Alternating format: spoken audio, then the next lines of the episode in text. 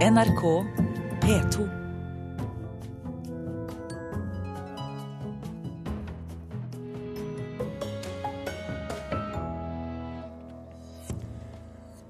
I dag møter, som vi hørte, Varg Vikernes i fransk rett tiltalt for hatefulle ytringer på nettet. Vi kan få svakere skiller mellom journalistikk og politikk, mener medieforsker, etter at Knut Olav Åmås ble statssekretær. Og intet kinn er tørt, mener vår anmelder om Erik Poppes nye film 'Tusen ganger god natt'. Du hører på Kulturnytt med Birger Kolsrud Jåsund i studio. Ja, Som vi nettopp hørte i Dagsnytt, så Eh, så møter den norske musikeren og høyreekstreme bloggeren Varg Vikernes i dag i retten i Paris. Vikernes er tiltalt for rasistiske blogginnlegg. Og korrespondent eh, Åse Marit Befring, eh, der rettssaken starter klokken tolv i dag i Paris, der er du. Vikernes har altså på bloggen sin bedt om støtte fra folk. Er det ventet at noen kommer til å dukke opp utenfor rettslokalet i dag? Ja, I hvert fall så har over 150 mennesker i går kveld, når jeg så sjekket sist, så var det 150 mennesker som hadde svart at de hadde tenkt til å stille opp. Eh, og rundt 80 har skrevet at de muligens kommer til å stille opp på denne Facebook-gruppen. Eh, og dette er jo støttespillere som mener at Varg Vikernes er gjenstand for en heksejakt for å ha ytret seg på denne bloggen sin. Og Vikernes oppfordret også senest i går folk til å komme for å dokumentere den franske regjeringens trakassering og medienes løgner, som det heter. Og han skrev at Europa er avhengig av dem for å bli kvitt all denne djevelske innflytelsen, og isteden starte å jobbe for et Europa i blod og sjel, for et europeisk fremtid basert på europeiske verdier. Men eh, hvor mange som til slutt kommer til å stille opp for å støtte han her, det ser vi først når retten eh, blir satt. Hva er egentlig bakgrunnen for denne rettssaken nå? Han er tiltalt for eh, rasistiske utsagn eh, her i Frankrike etter å ha skrevet denne bloggen, som da han har skrevet i lang tid, eh, rettet spesielt mot jøder og muslimer ifølge forhørsdommeren. Og saken ville muligens ikke ha gått for retten dersom ikke politiet hadde aksjonert i sommer mot han og hans familie. Politiet hadde da informasjon om hans bakgrunn som den løslatte drapsmannen fra Norge, og de visste at han hadde våpen, og de gikk inn, tok en sjanse, denne saken ble henlagt og så har altså forhørsdommeren likevel villet gå videre med andre forhold eh, som gir en langt eh, lavere strafferamme, som da går på straffe på rasismeparagrafen her i Frankrike. Men de har jo ytringsfrihet i Frankrike også, for å si det mildt. Hva konkret er han tiltalt for? Han er tiltalt for å offentlig ha oppfordret til rasehat og for å forsvare krigsforbrytelser. Eh, og eh, han skriver jo da nedsettende om jøder og muslimer på denne bloggen. Veldig opptatt av eh, mytologi og historie, så, og har lagt ut veldig mange historiske bilder på denne bloggen sin. Og baserer seg da på den opprinnelige europeeren. Og det er dette her som, som forhørsdommeren da har tatt tak i. Men ifølge den franske avisa Le Poix så er han også tiltalt for å ha oppfordret til kriminalitet mot menneskeheten. Og det er et lov lovbrudd som har en langt eh, høyere strafferamme, inntil fem års eh, fengsel. Hvilken oppmerksomhet får denne saken i Frankrike? Ja, I juli, da terrorpolitiet slo til mot huset hans, så fikk den jo voldsom oppmerksomhet. Eh, både fordi at han var drapsdømt, og fordi at dette drapet han hadde utført og hadde sonet for, var eh, såpass voldelig som det var, og fordi at han har den bakgrunnen han har. Eh, mørke sider. Men så har de frafalt denne siktelsen, og nå så har ikke saken fått like stor oppmerksomhet. kanskje fordi at han også skal stilles for en hurtigdomstol Dvs. Si at det er flere saker som går for samme rettssal på samme dag. Eh, så det er ikke så alvorlig straffbart eh, forhold, eh, og dommen faller jo allerede i dag. Han og kona har laget en innsamlingsside på internett hvor de angivelig har samlet inn rundt 120 000 kroner. Vet du om han har noe særlig støtte i Frankrike? Han har i hvert fall støtte både som, i sitt musikermiljø, og han har også støtte verden over. Ifølge på denne Facebook-siden så er det jo støtteappell fra folk over hele kloden. Eh, så, men hvor stor støtte han har akkurat i Frankrike, det er jeg litt usikker på. Eh, men han har fått samlet inn et stort beløp, og han ønsker jo nå å gå til sak mot den franske regjeringen, som han mener eh, var ansvarlig for å traumatisere hans barn. og for for å ha en, eh, en liten, lite begrunnet aksjon eh, da de da gikk eh, inn i juli og aksjonerte mot huset hans. Takk skal du ha, europakorrespondent Åse Marit Befring, for at du var med i Kulturnytt nå på morgenkvisten.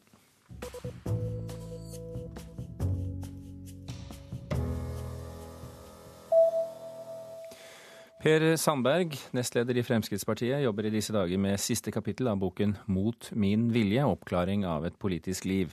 Det bekrefter Juritzen forlag til Nettavisen.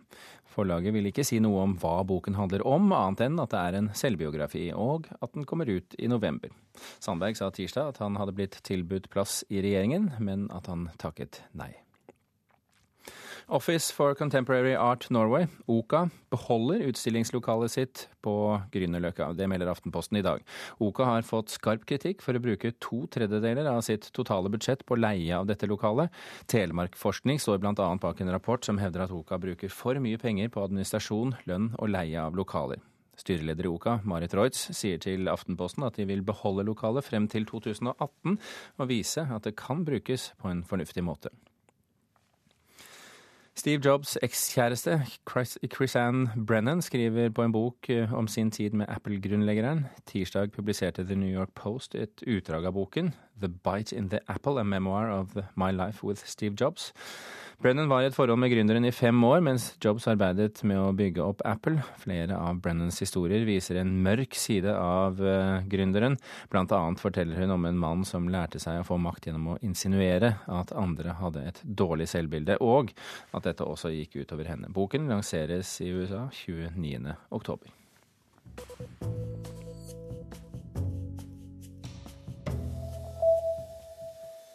Pressen sies å være den fjerde statsmakt. Hvordan er det da å gå fra å være vaktbikkje til selv å bli makten?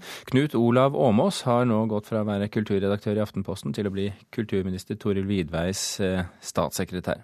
Doktor i presseetikk, Paul Bjerke, mener at dette kan være et tegn på at man vil få mindre klare skiller mellom politikk og journalistikk så er det jo klart at han her kommer i en, eh, i en litt pussig dobbeltrolle, hvor han eh, på den ene siden da gir, i, i og for seg gir råd til seg selv.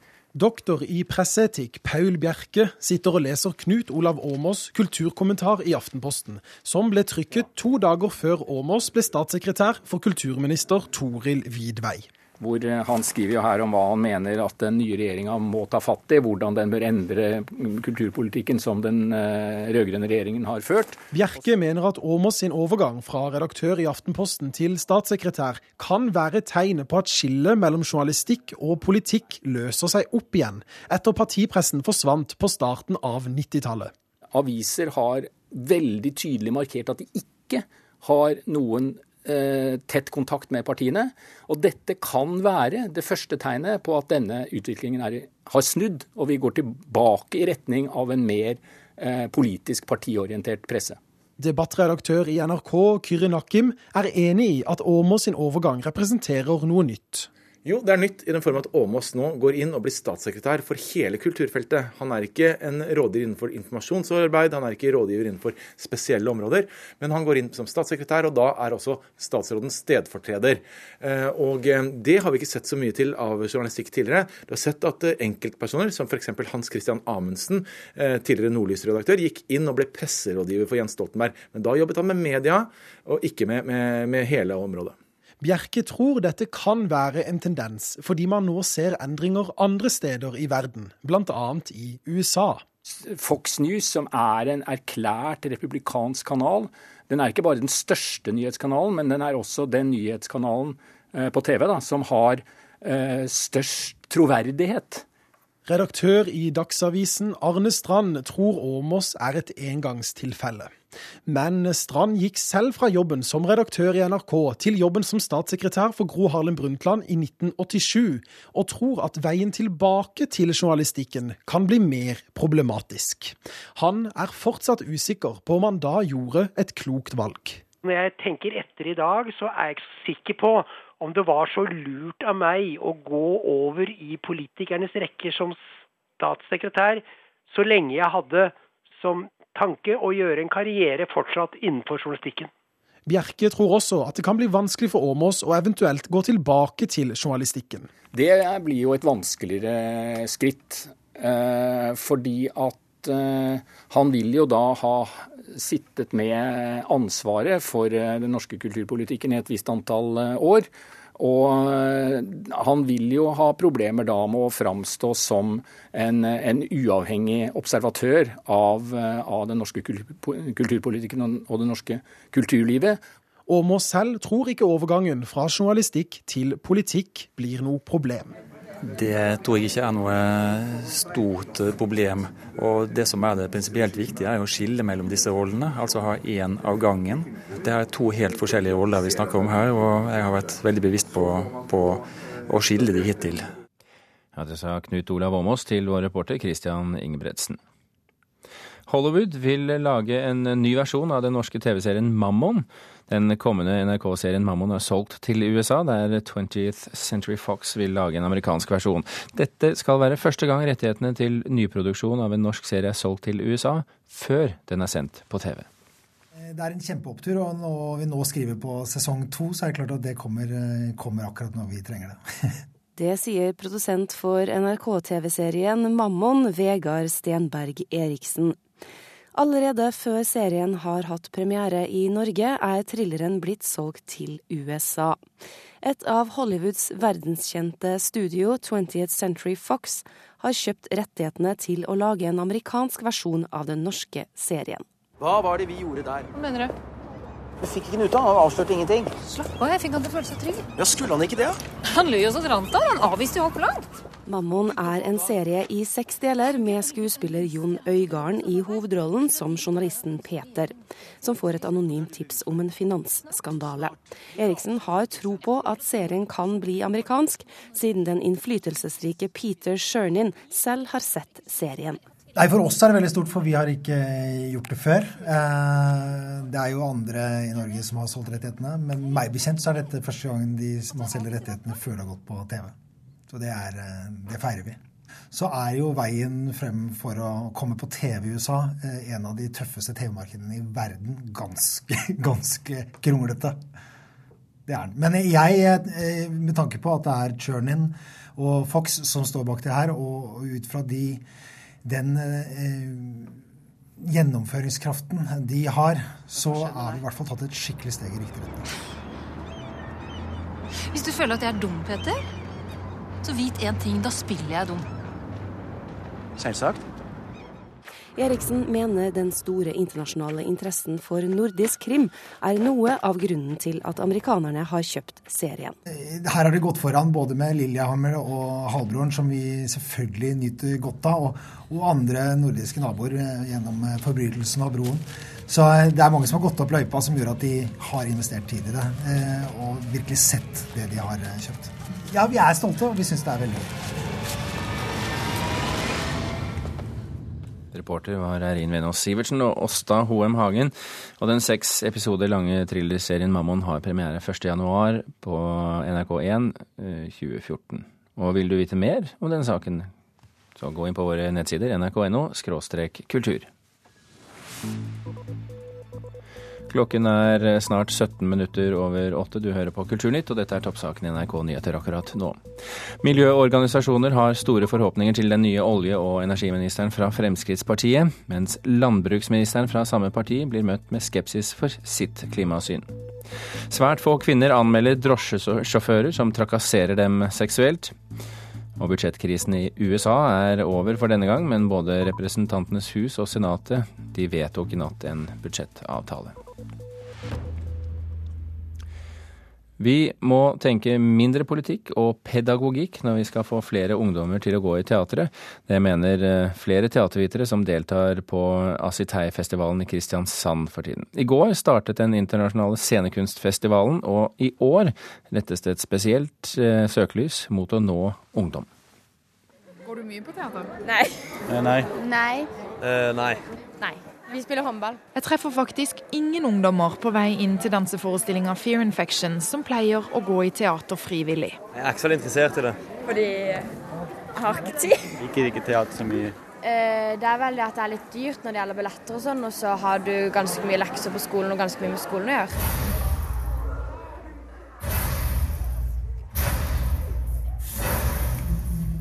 Den internasjonale scenekunstfestivalen Asitei-festivalen starta i går i eh, Kristiansand.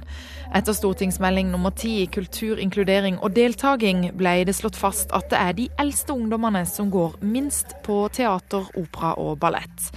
Nå har derfor festivalen spissa målgruppa si til å gjelde primært ungdommer, nettopp for å få flere tenåringer inn i teatersalene, sier daglig leder Gry Ulfeng. For får vi de inn som brukere og som publikum som har fått sterke eh, opplevelser i form av eh, identifikasjon, at vi øker kritisk bevissthet, at de får gode, morsomme opplevelser sammen. Da har vi også skapt fremtidas publikum. Ulfeng mener lite har blitt gjort siden 60-tallet for å få flere ungdommer på teatrene. At alle tiltakene man har satt inn i den eh, kulturpolitikken vi har hatt, så har det ikke endret så mye brukermønstre. De politiske innsatsene har sett på barn og unge som én gruppe. Hvis vi går kunstnerisk inn i det, så ser du at kunstnerne velger helt ulike eh, heterogene innganger. Og på en eller annen måte så tror jeg at bevegelighet, altså sosial bevegelighet, det skjer nedenfra og opp, ikke ovenfra og ned. We are very proud of our uh, Over 50 teatersjefer og dramaturger fra Europa og Norge er på Asitei for å bl.a. diskutere hvordan å få flere ungdom interessert i scenekunst. Og nederlandske Jan Wilhelm van Kreisen, som er businessmanager ved et stort teater i Wien i Østerrike, mener norske ungdommers labre teaterinteresse handler først og fremst om tradisjoner. And I think that has to do with traditions. And Hvis en ser til Østerrike, der jeg jobber, er takknemligheten og tradisjonen for å dra i teatret langt større. Jeg tror det er langt vanligere å dra ofte i teatret både som ungdom og som familie, og slik er det i mange land der kunst og kultur har fått utvikle seg over tid. there's more tradition. I know so in Scotland. Um, Jeg vet, sier Fiona Ferguson, som jobber med å promotere og utvikle teater for barn og unge i Skottland, at mange gjør feilen med å være for pedagogiske. Da tror jeg bare ungdom står igjen og sier at teater er kjedelig, når teaterstykkene må ha en pedagogisk læresetning. not good for that age group, and then they go away. Theatre's a bit boring. Men kjedelig var det siste publikum sa om denne Asitei-forestillinga. Eh, De var veldig flinke. Ganske bra. Det var jo veldig gøy. Og litt skummelt. Men når du ser sånn som dette, får du lyst til å gå mer? Ja, fordi det er gøy og fascinerende.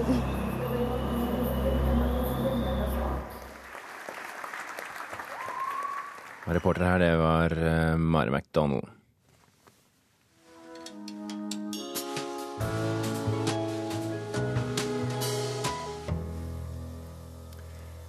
Filmen 'Tusen ganger god natt' vant juryens spesialpris i Montreal. Den eh, kommer til å ta hardt i oss nordmenn også, mener vår anmelder eh, Einar Gullvåg Staalesen. Erik Poppe, filmregissør, går lenger inn i stoffet sitt og tettere på eh, noen av personene i sin fjerde spillefilm. Eh, Han legger all vekt på hovedpersonen, krigsfotografen. Juliette Binoche spiller henne, og hun tåler trykket, mener Staalesen.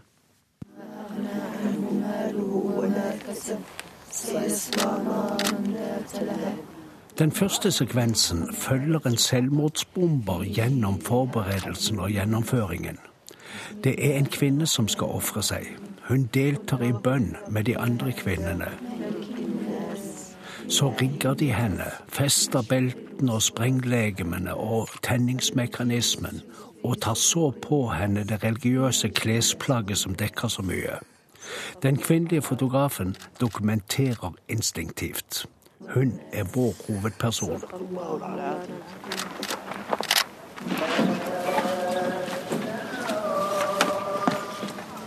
Så kjører de til målet, som er et torg i Kabul.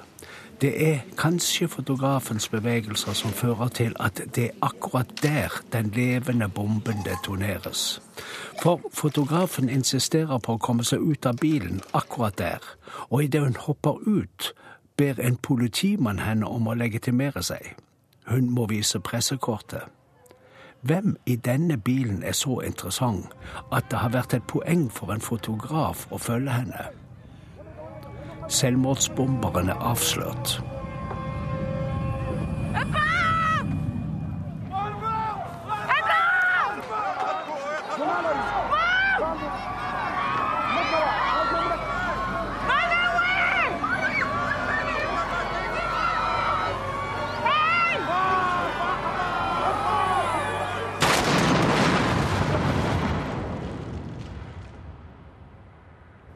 Det måtte gå slik.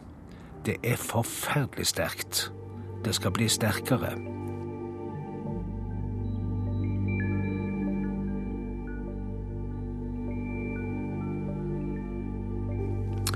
Filmen er stoffrik. Den handler om fotografens familie som er hjemme og frykter døden hver eneste dag.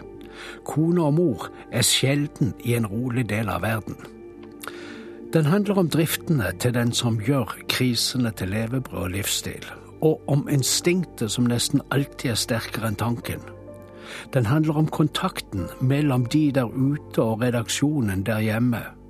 Det topper seg når hun får vite at den mest informative og vesentlige serien av bilder som er tatt, den med den kvinnelige selvmordsbomberen, ikke kan offentliggjøres fordi Pentagon truer. Styrken i filmen ligger i nærheten til fotografen og innsikten i hennes rolle og syke. Manusforfatter Harald Rosenløv Eeg og medforfatter og regissør Erik Poppe har lagt vekten der. Men det er også en følge av at Poppe har valgt Juliette Binoche i hovedrollen. Hun er svært god, også med krigsstøv i håret. I'm not going back to war zones. I don't believe you.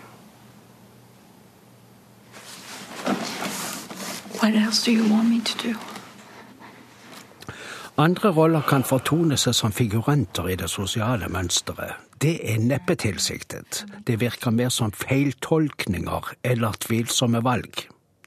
Slike diskusjoner kan vi vente med. Foreløpig lar vi oss bare påvirke av stemningene og budskapet. Intet kinn er tørt. Det sa Einar Gullvåg Staalesen, som tar for seg flere aspekter ved denne filmen i programposten Mørkets opplevelser her på P2 klokken 19 i kveld.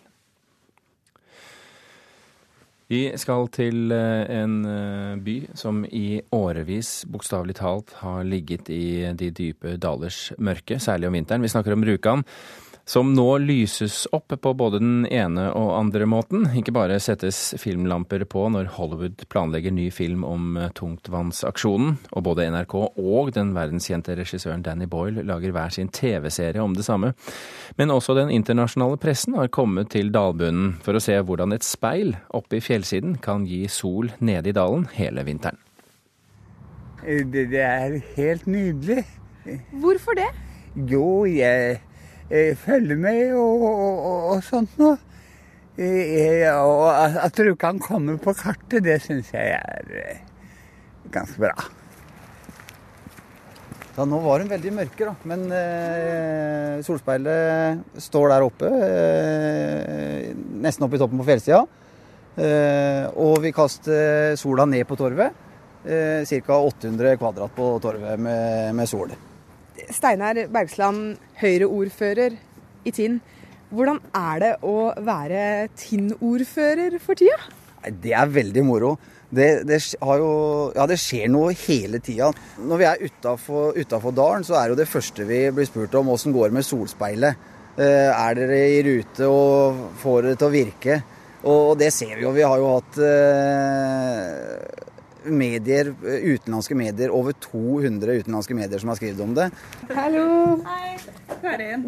Ja, turistkontoret. Her må det være god stemning, vel? Ja, ja.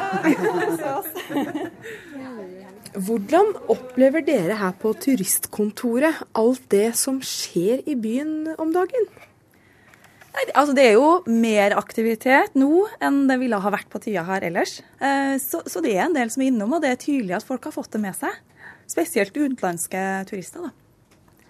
Og det som er moro, er jo at lokalbefolkningen òg er så positive. De kommer innom og de har tatt bilder, og de skal vise på telefon at de har tatt bilde av prøvesola ute på torget her. Og møter folk i byen generelt. De er veldig spente og veldig sånn opptatt av det med sola og solspeil og sånn. Det syns jeg er veldig koselig. Vil du si at det er liksom nå det skjer her på Rjukan? Ja, det er eh, det, er, det, det, er helt, det er nå det skjer. fordi om det har, det har vært jobba med, og vedtakene har jo sånn sett kommet i, i perioder før vi eh, kom inn her. Litt kanskje tilfeldig at alt blir ferdig nå og er i gang. Hva syns du om eh, det nye solspeilet, da? Eh, jeg er, jeg syns ikke så fælt mye om det. Jeg, jeg, som jeg har sagt, så jeg bodd der i 82 år, eller 83 år. Og ja, jeg gleder meg godt uten solspeilet. Ja, du hørte til slutt uh, Rjukan-innbygger Jan Køhn. Og det var Grete Ingebjørg Berge som hadde vært i Tinn kommune og laget denne saken. Kulturnytt uh, runder nå av. Vi har i dag fortalt om den norske musikeren og høyreekstreme bloggeren Varg Vikernes som møter i retten i Paris. Du hører mer om det etter hvert. Produsent i dag var Sondre Bjørndal. Hanne Lunås var tekniker. Og her i studio Birger Kolsrud Jåsund.